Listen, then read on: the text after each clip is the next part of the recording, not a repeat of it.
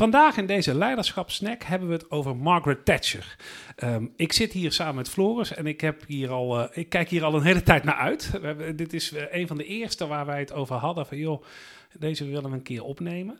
Ehm, dus nou, leuk dat we dat nu gaan doen, uh, Floris. Zeker, ja. Zou jij even dat begin van die jaren 80, eind jaren 70, waarin zij aan de macht kwam, kun je dat eens even voor ons schetsen?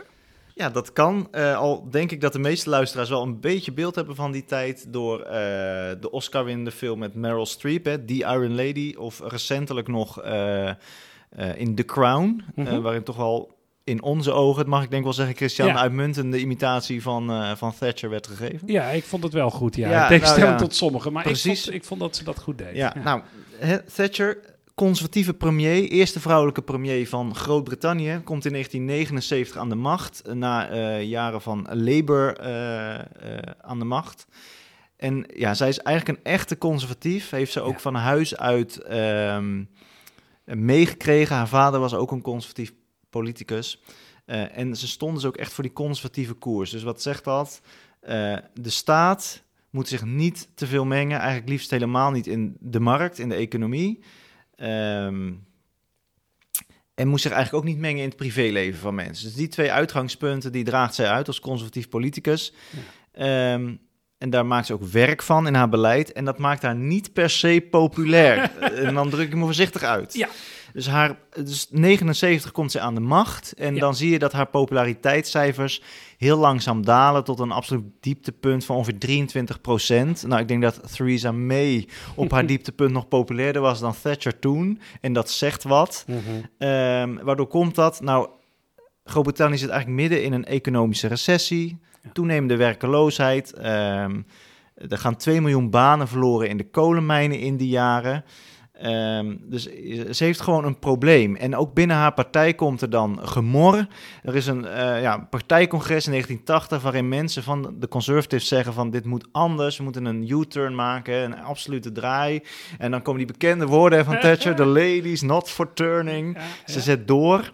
Um, en dan opeens in 82, in april, gebeurt er iets uh, wat haar populariteitscijfers totaal ja, ook turnen. Hè? Ja. Ze wordt opeens heel populair. En dat zijn die Falklandoorlogen. En ik denk dat we het daar vandaag even over moeten hebben, Christian. Ja. Nou ja, misschien die heel even nog schetsend. Hè? Want die Falklands, die liggen een paar honderd kilometer voor de Argentijnse kust.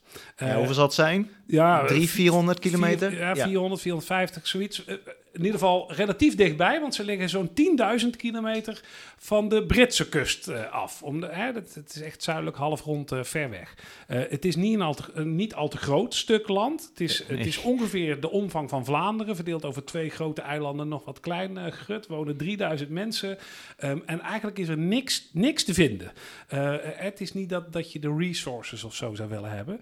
Um, wat die Argentijnen bezield heeft om die Falklands aan te vallen, weet ik niet, vind ik ook even niet zo relevant. Wat wel gebeurt, is dat uh, Margaret Thatcher echt in, in, in een mum van tijd een vloot uh, uh, die kant op stuurt.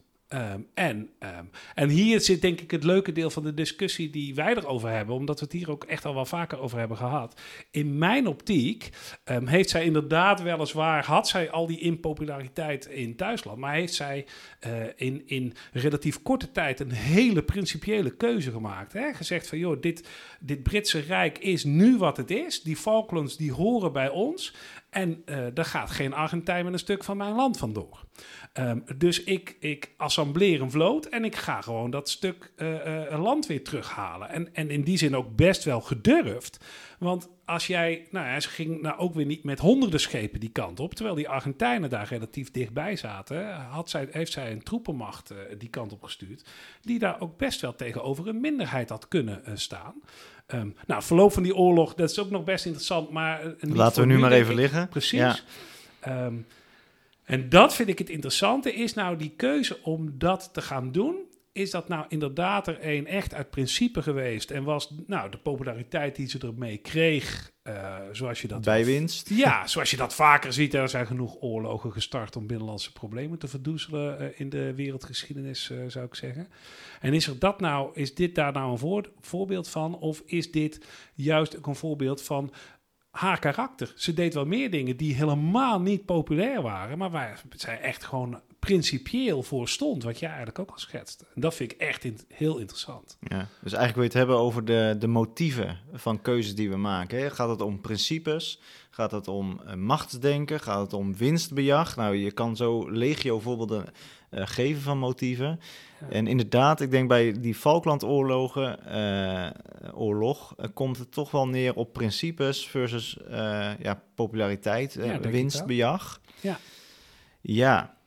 Ja, want het is wel, ja, het is toch wel makkelijk om te zeggen dat ze het vanuit principes deed. Eh, Mhm. want je geeft het al aan. Er zijn legio voorbeelden te noemen uit de geschiedenis waarbij een buitenlandse oorlog toch wel heel goed uitkwam om eh, binnenlandse problemen eh, onder het tapijt te vegen. Hè? Zeker. Eh, en ik denk ook dat dat wel het motief was van de Argentijnen om de Falklandeilanden überhaupt aan te vallen. De militaire junta daar. Ja. Nou, ik kan me voorstellen dat je daar als inwoner toch ook niet heel enthousiast van zou worden. Nee. Ja, dus die dachten ook, nou, eh, grote stappen snel thuis. Eh, we nemen snel die Falklandoorlogen, onze Falklandeilanden in. En Ja. nou, dan hebben we onze populariteit weer op orde. En ik denk ook wel dat dat mee heeft gespeeld bij Thatcher. Nou, bedoel, wat voor buil kon ze eraan vallen, hè? Het, de, de- je geeft al aan, 3000 inwoners. Ze stuurt een machtige Engelse vloot. Het was, nou ja, dat ze ging verliezen daar, dat was eigenlijk niet in vragen. Dat, dat ging Ja, niet dat gebeuren. Ben ik, dat ben ik niet met jou eens. In die zin dat, eh, kijk, die, die Argentijn... Het is natuurlijk wel al echt in de tijd dat, eh, dat zeg maar, eh, de superioriteit in de lucht gewoon bepalend is voor, voor de- winst van een oorlog. Hè? Ik bedoel, dat is na de Tweede Wereldoorlog zien we dat eigenlijk wel terug in de militaire geschiedenis. En die Argentijnen, die zaten gewoon op vliegafstand, bewijs van. En zij moesten een vliegdekschip sturen, maar dat is wel kwetsbaar. Daar hoeft maar één keer een, een, een, een goede raket op te komen. Eh, en, en het is kwetsbaar. Dus, dus ik denk dat zij eh, eigenlijk een hele. eh, Hè, tuurlijk, Engelse vloot eh, was machtig, is dat voor een deel nog steeds.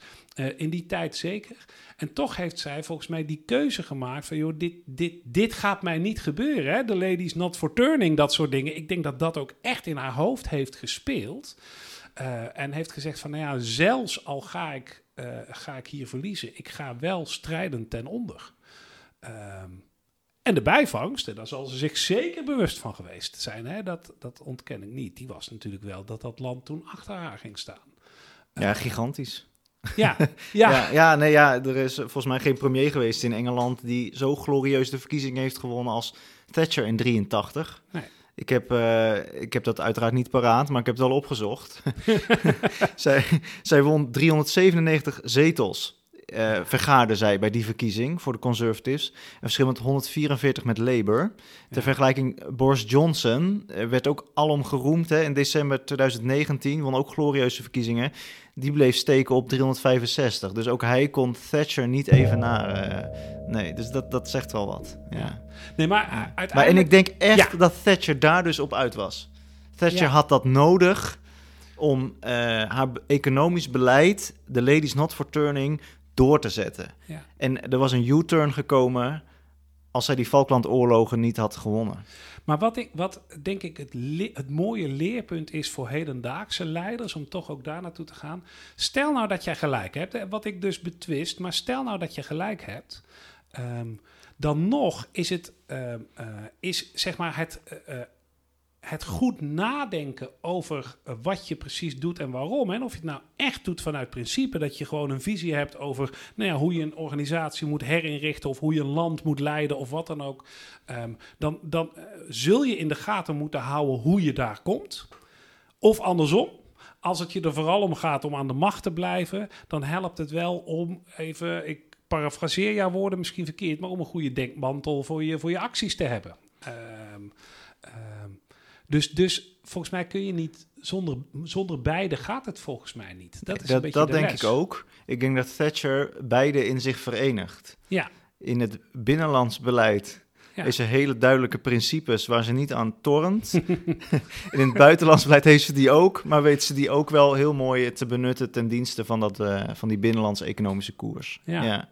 Nee, ja. kijk, en, daar, en daar, eh, dat is ook wel het leuke, vind ik, van dit soort gesprekken. Uh, uh, daar neem jij helemaal aan het eind net een andere afslag dan ik. En dat is, dat, is ook, dat is ook leuk. Wat volgens mij het waardevolle erin is, dat je, dat je beide echt wel gewoon in je achterhoofd hebben moet. Of je, ja, en dat je ook gewoon ook wel regelmatig in de spiegel kijkt. Hè? Van hé, hey, maar waarom doe ik dingen? Ja. Wat, wat is mijn ja, stip op de horizon, kun je het noemen, maar ook gewoon, ja, wat zijn mijn principes? Of ben ik überhaupt alleen maar gericht op winstbejag? Ja. ik denk dat zo'n Thatcher daar, daar echt wel een voorbeeld van is. Van nou, hé, maar waarom doe ik dingen? Ik denk dat het goed is om daar gewoon af en toe die vraag aan jezelf te stellen. Nou, hoe in het Engels te blijven, food for thought, zullen we maar zeggen. Nou, prachtig. Dankjewel.